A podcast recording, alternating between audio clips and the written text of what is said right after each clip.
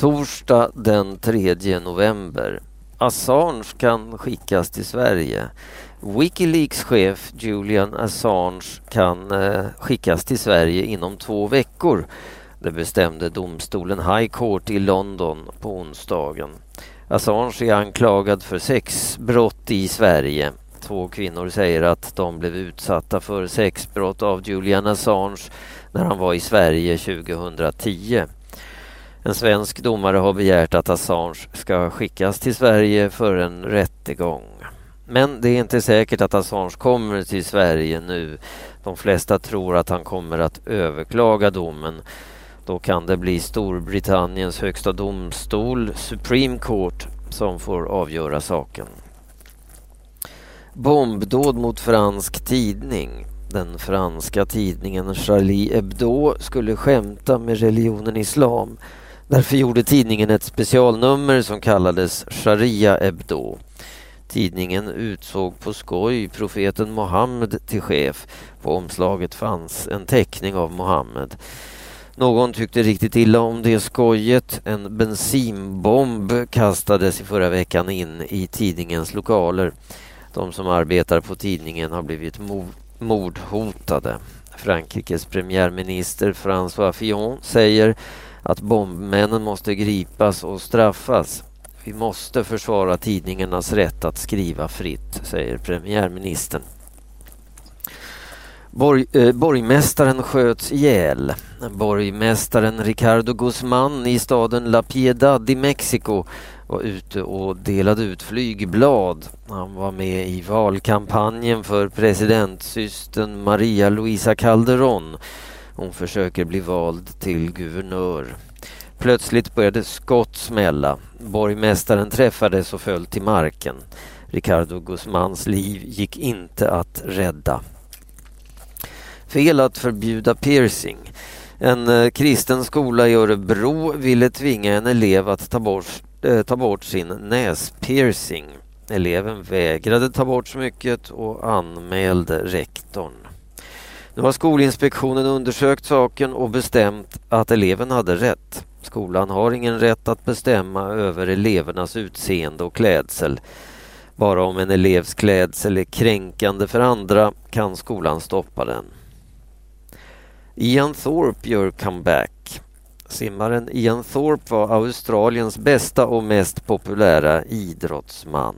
Han vann fem OS-guld och 11 VM-guld mellan 1998 och 2004. Sen slutade han. Nu är 29-åringen tillbaka i simbassängen igen. Han siktar på medalj i OS i London. Ian Thorpe satsar på 100 meter och 200 meter frisim. Ingen snö att åka på i Finland. Det verkar inte som om det blir några världscuptävlingar i utförsåkning i Finland den 12 och 13 november. Det finns ingen snö att åka på i skidorten Levi. På torsdagen skulle skidförbundets chefer ha besökt Levi och kontrollerat backarna men det besöket, besöket ställdes in. Det finns ju ingen snö här så det var onödigt för dem att åka hit, säger Mikko Saarinen, en av dem som arbetar med tävlingen. Piloten bromsade så att planet störtade.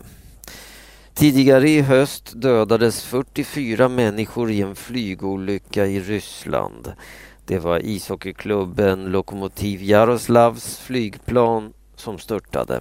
Den svenske målvakten Stefan Liv var en av dem som dog i kraschen. Nu är undersökningen av olyckan färdig. Det var ett misstag från någon av piloterna som gjorde att planet störtade. Planet störtade precis eh, efter starten. Anledningen var att någon av piloterna bromsade av misstag. Sickan Karlsson är död. En av Sveriges mest omtyckta skådespelare är borta. Sickan Karlsson dog på onsdagen. Hon blev 96 år gammal. Sickan Karlsson spelade in fler än 50 långfilmer. Hennes riktiga namn var Anna Greta Karlsson. Sickan var hennes artistnamn.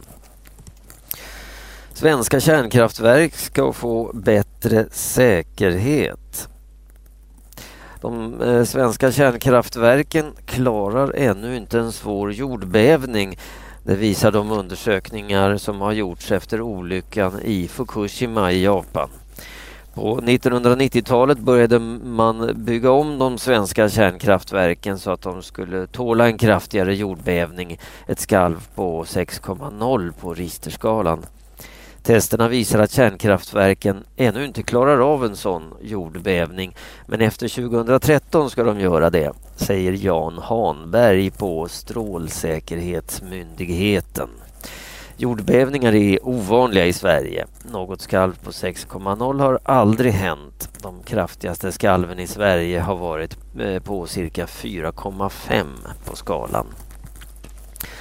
Svenska lag vann i Champions League. Det går bra för Malmö och Göteborg i Champions League i fotboll för damer. Malmö vann mot Neulengbach från Österrike. Malmö vann med 3-1. För Göteborg blev det seger med 1-0 mot Fortuna Jörring från eh, Danmark. Göteborg och Malmö har skaffat sig en bra chans att gå vidare till kvartsfinal. Nästa torsdag möts de här lagen i avgörande matcher.